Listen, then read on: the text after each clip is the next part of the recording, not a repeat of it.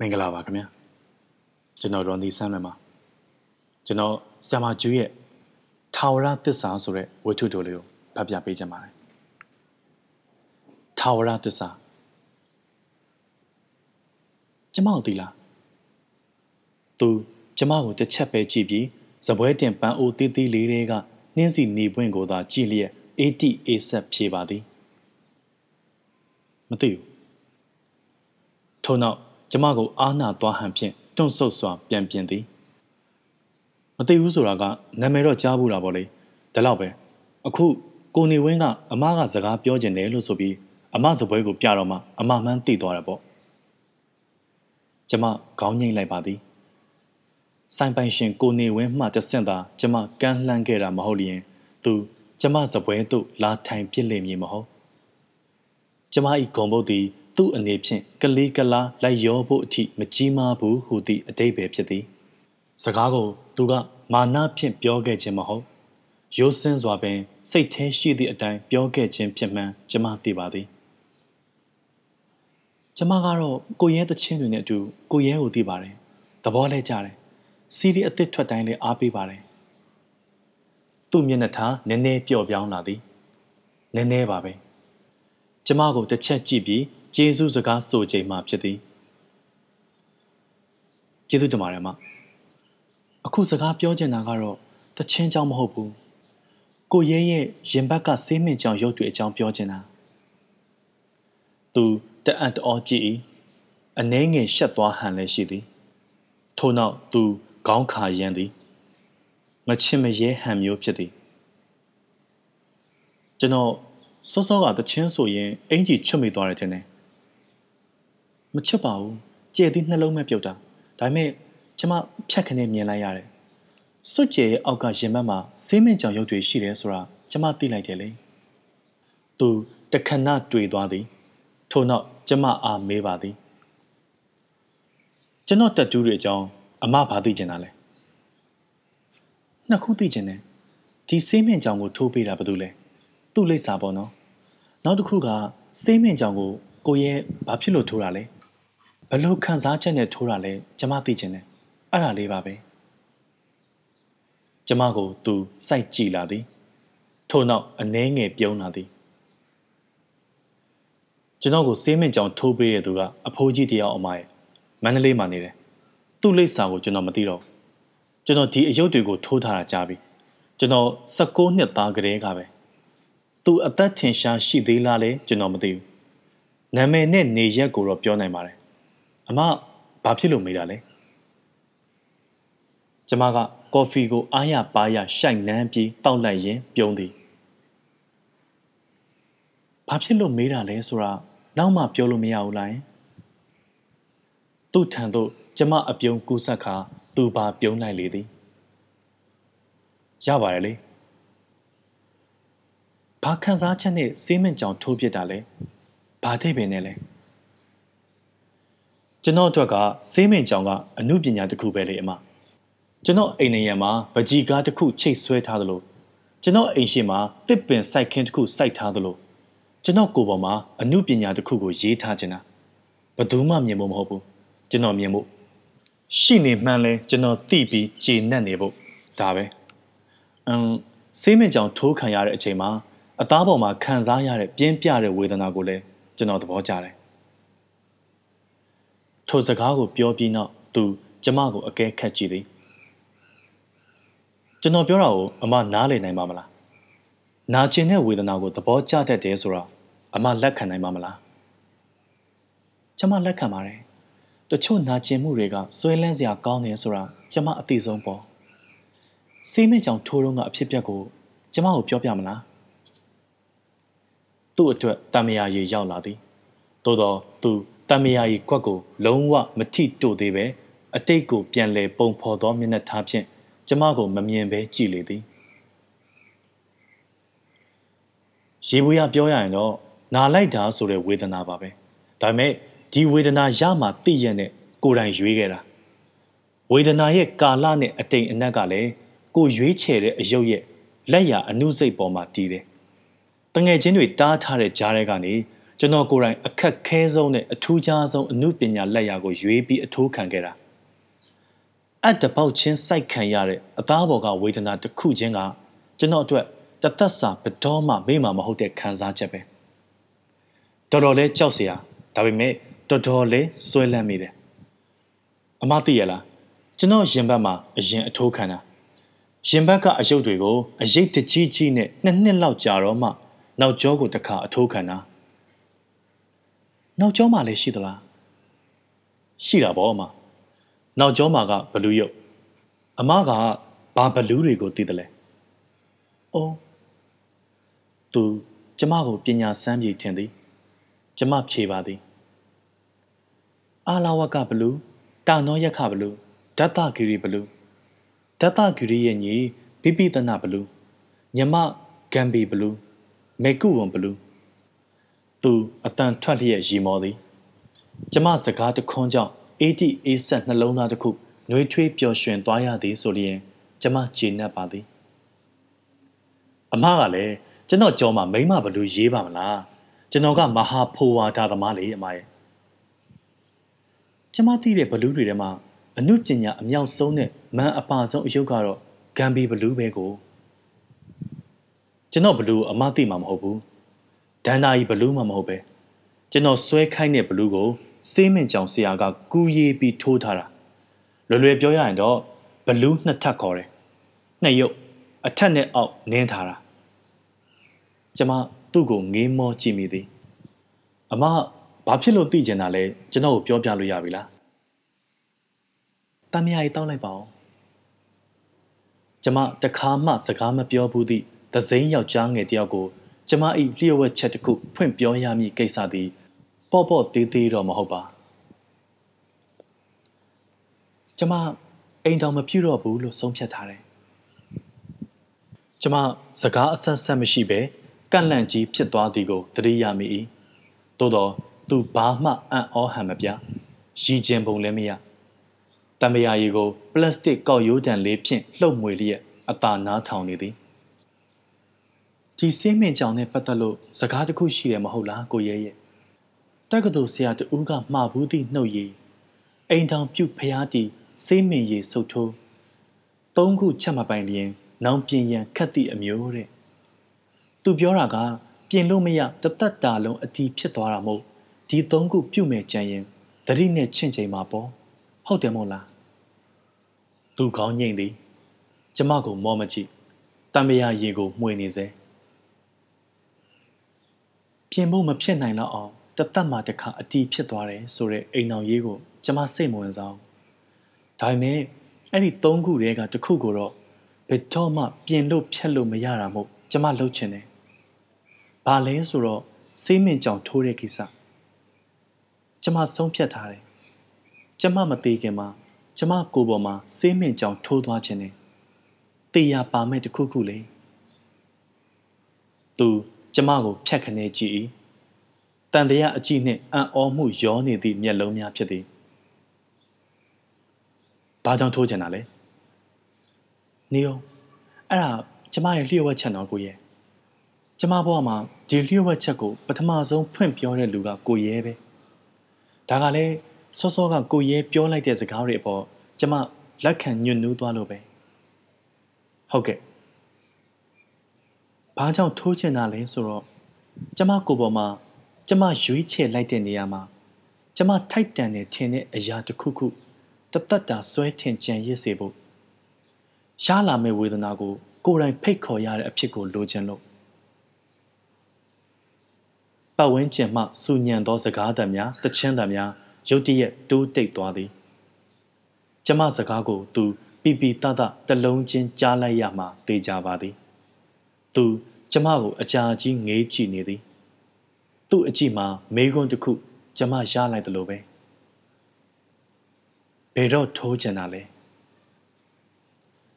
မသိခင်နောက်ပြီးယုံကြည်စိတ်ချရတဲ့ပညာရှင်စီမှာထိုးချင်တယ်ကျမကိုကိုရဲကူညီမလားသူငေးမောနေရမှတတိဝင်လာ၏ကူညီပါမယ်မ အမထိုးမဲ့အကြောင်းအရာနဲ့ထိုးမဲ့နေရာကိုရွေးပြီးပြီလားကျမ သူ့ကိုငေးကြည့်ကပြုံးမိသည်အကြောင်းအရာကိုတော့ရွေးပြီးပြီပေါ့ဘာလဲကျမအနှဲငယ်တွန့်ဆုတ်သွားတော့သူကနားလေစွာကောင်းညင်သည်โอเคမပြောပါနဲ့ကျွန်တော်မေးတာကနေရာမရွေးရသေးရင်အကြောင်းအရာနဲ့လိုက်တဲ့နေရာကိုရွေးဖို့အမရဲ့စိတ်ကူးကိုကုညီတွေးပေးခြင်းတော့ပါ။အိုးရပါတယ်ကိုရဲရဲ့ အဲ့ဒီအကြောင်းအရာကိုကျမကိုပေါ်မှာထိုးပေးဖို့ကိုရဲကိုယ်တိုင်ညှော်မှထိုးပေးမဲ့လူစီကျမရောက်မှာဥစ္စာကျမပြောမှာပေါ့။အဲဒါပေမဲ့တစုံတစပဲပြောပြရစီနော်။ကုပြီးတွေးပေးနိုင်ုံလေ။သူသဘောကျစွာပြုံး၏။ Okay နာမည်တစ်ခုသူကျမကိုခဏစိုက်ငေးကြည့်ပြီးတမယာရေကိုငုံတောက်သည် အဲ့ဒီနာမည်ဟာကျမရဲ့အချစ်လားအမုန်းလားနာကျင်မှုဝေဒနာလားအရှုံးလားကျမဘာမှမပြောပြရစေနဲ့နာမည်တစ်ခုပါပဲနာမည်ကိုလည်းအတူကောင်းမဟုတ်ဘူးအရှိအပြည့်အစုံသူကျမအကြောင်းရေရေရာရာသိမှာမဟုတ်သူ့အသက်နှင့်ကျမအသက်ကွာခြားလှသည်ကျမနှင့်တွဲရက်နာမည်တစ်ခုခုကို သူကြားဘူးသည်ဖြစ်စေအောင်တော့ကျမမှာကပတ်သက်ဆက်နွယ်ဘူးသည့်နာမည်တွေ၄၅ခုရှိတာမို့ကိစ္စမရှိပါနှလုံးနဲ့အဲ့ဒီနာမည်စလုံးကိုသူများမြင်နိုင်တဲ့နေရာမှာမရေးချင်တာတော့အမှန်ပဲကျွန်တော်နားလဲပါတယ်အမတယောက်တည်းတည်တဲ့နေရာမျိုးမှာအမရေးချင်မှာပေါ့ကျမပြုံးလျက်သာနေပါသည်အမစဉ်းစားထားတဲ့နေရာရှိလား အင်းမချိုက်လို့ကျမစိတ်ထဲမှာပြန်ပယ်လိုက်တဲ့နေရာရှိတယ်ဘာကြောင့်ပယ်လိုက်တယ်လဲဟုသူမမေးပါသို့တော့ကျမပယ်လိုက်သည့်အကြောင်းရင်းကို သူခံစားမိဟန်ရှိသည်သူ့စကားတခွန်းကြောင့်ဖြစ်သည်အဲ့ဒီနေရာဟာဘယ်အကြောင်းနဲ့မှတယောက်ယောက်မမြင်ဖြစ်အောင်ဖုံးကွယ်ပြီးသားနေရာဆိုရင် မကောင်းဘူးလားအမရဲ့ကြော့နော်ကျွန်တော်မယုံမသိရိုင်းပြရမထင်နဲ့ အမရဲ့ချစ်သူတော်မှမမြင်နိုင်တဲ့နေရာမျိုးတိတ်ဟုတ်တာပေါ့ကျမစိုးရိမ်တာအဲ့ဒါပဲချစ်သူရဲ့လို့နောက်ထပ်ရှိလာခဲ့ရင်ပေါ့လေသူတော်မမြင်တွေ့စေချင်ဘူးသူနှင်းကျမတယောက်ကိုတယောက်ငေးလျက်စဉ်းစားနေမိကြပြီးနောက်သူ့မျက်လုံးတွေလက်ခဏဖြစ်သွားသည်ကျွန်တော်ပြောမယ်အမတကူလုံးမှာလက်ဝတ်လက်စားဆိုလို့အမအမြဲတမ်း ဘယ်တော့မှမချွတ်ဖဲဝတ်တာဘာရှိလဲအခုကျွန်တော်မြင်နေရသလောက်တော့ငကက်နဲ့လက်စွပ်ပဲကျမဇဝေဇဝါပြုံးမိ၏ငကက်ကကတ်ငကက်လေးကိုရဲ့ရဲ့အမြဲတမ်းချွတ်ပြီးလဲနေရတာညအိမ်ပြန်ရောက်ရင်ချွတ်တော့တာပဲဒါဖြင့်လက်စွပ်သူကျမ၏လက်စွပ်စီမျက်စိရောက်သွား၏ထိုအခါကျမလည်း ကျမ၏ဘယ်ဘက်လက်တကျဲကလက်စွပ်လေးကိုလက်ဖြန့်ထောင်ကြည့်ရင်ပုတ်တက်မိသွားသည်အဲ့ဒီလက်စွပ်ကိုချွတ်တဲ့အခါလဲတဲ့အခါရှိလားဒီလက်တကြွယ်မှာဒီလက်စွပ်ကလွဲလို့ဘယ်ဟာကိုမှမဝဲဖူးဘူးတခြားလက်တွေမှာတော့အမျိုးမျိုးဝဲဖူးပါတယ်နောက်ပြီးကျမတစ်ချက်မျက်မှောင်ကျုပ်စဉ်းစားမိသည်နောက်ပြီးတိတ်ဆိတ်လှုပ်ရှားလို့ရင် တခဏလောက်ဒီလက်စွပ်ကိုချွတ်ပြီးချထားတာမျိုးလုပ်မိတယ်ဒါပေမဲ့တော်တော်ရှားပါတယ်ကောင်းပါပြီဒါဆိုရင် အမအခုကစပြီးဒီလက်စွပ်ကိုဘယ်တော့မှမချွတ်မိစေနဲ့တော့ကျမကိုသူကပိုင်နိုင်စွာဆုံးဖြတ်သောလေတံဖြင့်ပြော၏ဟုတ်လားအဲ့ဒီလက်စွပ်ကိုဘယ်လိုအထိမ့်မှတ်နဲ့ဝတ်တာလဲကျွန်တော်မမေးပါဘူးဒါပေမဲ့ဒီလောက်ဆိုရင်ကျွန်တော်သဘောပေါက်ပါတယ်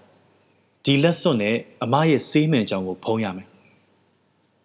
ကျမရဲ့စေးမင်ကြောင်ကျမသူ့ကိုတအံ့တအောကြည့်မိပြီးနောက်သဘောပေါက်သွားသည်ဟုတ်တယ်အမလက်စွပ်ဆိုတာအမအသက်ရှင်နေတော့မဲ့အမစီမှာရှိမှာတည်တဲ့အခါမပါသွားဘူးပါသွားမယ်လို့အမထင်နေရင်လေအဲ့ဒီအထင်ကိုဒီညကစပြီးစွန့်လွတ်လိုက်တော့ဟုတ်ပါရဲ့ကျမသိပါသည် ကျမသိလျင်ကျမ၏ဆွေမျိုးတွေကကျမလက်ကနေချွတ်ယူထားကြမှာအတွေးဖြင့်ကျမရီမိသွား၏သူလည်းရီပါသည်သိလားမအမှန်တရားဆိုတာနည်းနည်းတော့ရက်ဆက်တယ်နော်ကျမသိပါတယ်ကိုရဲရဲ့အဲ့ဒီလက်စွပ်လေးရဲ့အောက်မှာအမလက်တကြွယ်အရေးပြားလေးပေါ်မှာနာမည်ကိုပတ်လည်ထိုးလိုက်ပေါ့မြန်မာလိုဆိုရင် အသက်တွေရရစ်တွေဝတ်ဆွဲတွေနဲ့အစွန်းထွက်နေမယ်အင်္ဂလိပ်လိုဆိုရင်မရှင်းဘူးလားတကြောင်လေးညီညီညာညာလေး God ကောင်းလိုက်တဲ့ area ဟဲ့ကျမဒီညဒီကိုလာရတာအပြည့်အဝထိုက်တန်သွားပြီသူကကျမစိတ်အားတက်ကြွသွားသည်ကိုသဘောကျဟန်ဖြင့်ပြုံးကြည့်နေသည်ကျမတို့နှစ်ယောက်သည်အခုမှတွေ့ဘူးစကားပြောဘူးပေမဲ့အနှစ်နှစ်အလားလားကခင်မင်ရင်းနှီးခဲ့သည့်မိတ်ဆွေနှစ်ယောက်လိုမောင်နှမနှစ်ယောက်လို နှွေးထွေးစွာခံစားလိုက်ရသည်ကျမ၏လက်စွပ်လေးသည်ကျမအသက်ရှင်နေသမျှတော့ကျမကိုယ်တိုင်မချွတ်မချင်းလက်မှကျွတ်เสียအကြောင်းမရှိထို့ကြောင့်ကျမ၏လက်စွပ်အောက်မှငုံထားသည့်နာမည်အတန်းစေးမင်ကြောင်ကွင်းကလေးကိုဘယ်သူမျှမြင်ခွင့်ရမှာမဟုတ်သူပြောသလိုကျမမှရှိကောင်းရှိလာနိုင်သေးသည့်နောက်ထပ်ချစ်သူဆိုသည့်လူတော်မြင်ခွင့်ရမှာမဟုတ်တာသိကြသည် ကျမတယောက်တည်းအခန်းထဲမှာရှိနေချိန်မှာကျမမြင်ချင်းလုံးလျင်တော့လက်စွပ်ကိုလက်သကြွယ်အရင်တလျှောက်၌နေရာရွှေ့ပြီးနာမည်ကိုကြည့်နိုင်သည်ပြီးလျင်လက်စွပ်လေးနှင့်ပြန်ဖုံးထားလိုက်ရုံပါပဲကျမလက်သကြွယ်မှာထိုနာမည်ရှိနေမှာကိုကာယကံရှင်နာမည်ရှင်တောင်သိခွင့်ရမှာမဟုတ်ထိုအချက်ကိုတွေးပြီးကျမကျေနပ်မိသည်တခြားသူတွေမမြင်တာထက် ကာယကံရှင်နာမည်ရှင်ကိုယ်တိုင်မမြင်ရတာကိုကျမပို၍ကျေနပ်မိသည်နောက်ပြီးလက်သက်ကျွဲဆိုတော့ပုံများနာမလားမသိဘူးနော်ကျမမေးမိတော့သူကပြုံးပြီးကျမကိုကြည်ပါသည်လက်သွကျဲကအမမျော်လင့်တဲ့လောက်တော့နာမယ်မထင်ဘူး။အော်ဒါပေမဲ့ဘာပဲဖြစ်ဖြစ်ဘယ်နေရာပဲဖြစ်ဖြစ်စေးမင့်ကြောင်ထိုးခံရတဲ့ဝေဒနာကတော့နာတာကြီးပါပဲ။ ကျွန်တော်တို့ကတော့တကိုယ်လုံးနေရဲရောင်ကိုင်းပြီးအိမ်ထဲကအိမ်ပြင်မထွက်နိုင်တာ၁၀ရက်လောက်ပဲ။အဲ့ဒီဝေဒနာကဘယ်အရာနဲ့မှမတူဘူး။ကိုရွေးတဲ့ဝေဒနာကိုမျော်လင့်ထားတဲ့ဝေဒနာအမပြောသလိုကိုဖိတ်ခေါ်တဲ့ဝေဒနာလေးอืมကျမလက်တကြွယ်မှာသူ့နာမည်ကြောင့်နာရမယ့်ဝေဒနာကကျမအတွက်အနာကျင်ဆုံးအနှင့်သီးဆုံးဖြစ်ပါလိမ့်မယ်ကျမငင်းငေးပြုံးရင်ပြောမိသည် ဒါပေမဲ့ကျမအဲ့ဒီအချိန်ကစလို့ကျမဘဝရဲ့ကွက်လက်တစ်ခုကို ဖြည့်ပြီးသွားသလိုစိတ်ချကျေနပ်သွားမိလိမ့်မယ်ကျမစကားကို ကျမကလွဲပြီးဘယ်သူမှ နားလေခံစားနိုင်မည်မထင်ပါကျေးဇူးတင်ပါတယ်ကိုရဲရဲ့တကယ်ပဲလှန့်လိုက်လဲလဲသူဘာမှမပြောဘဲရိုးသားသည့်အပြုံးဖြင့်ကျမကိုသဘောကျစွာငေးကြည့်နေသည်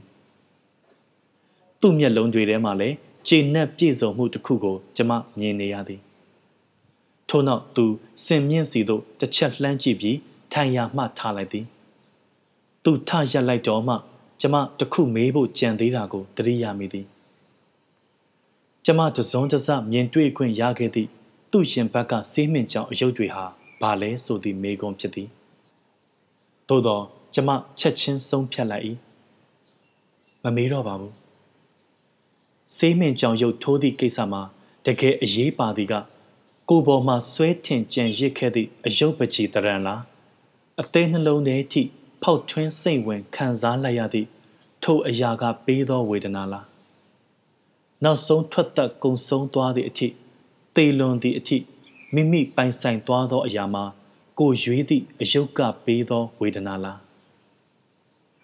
ဒါကိုအရင်ဆုံးသိအောင် ကျမလုပ်ရပါဦးမည် ထို့ကြောင့်သူနှုတ်ဆက်ပြီးစင်မြင့်စီလျှောက်သွားသည့်အထိကျမပြုံးလျက်ကြည်နေလိုက်ပါသည်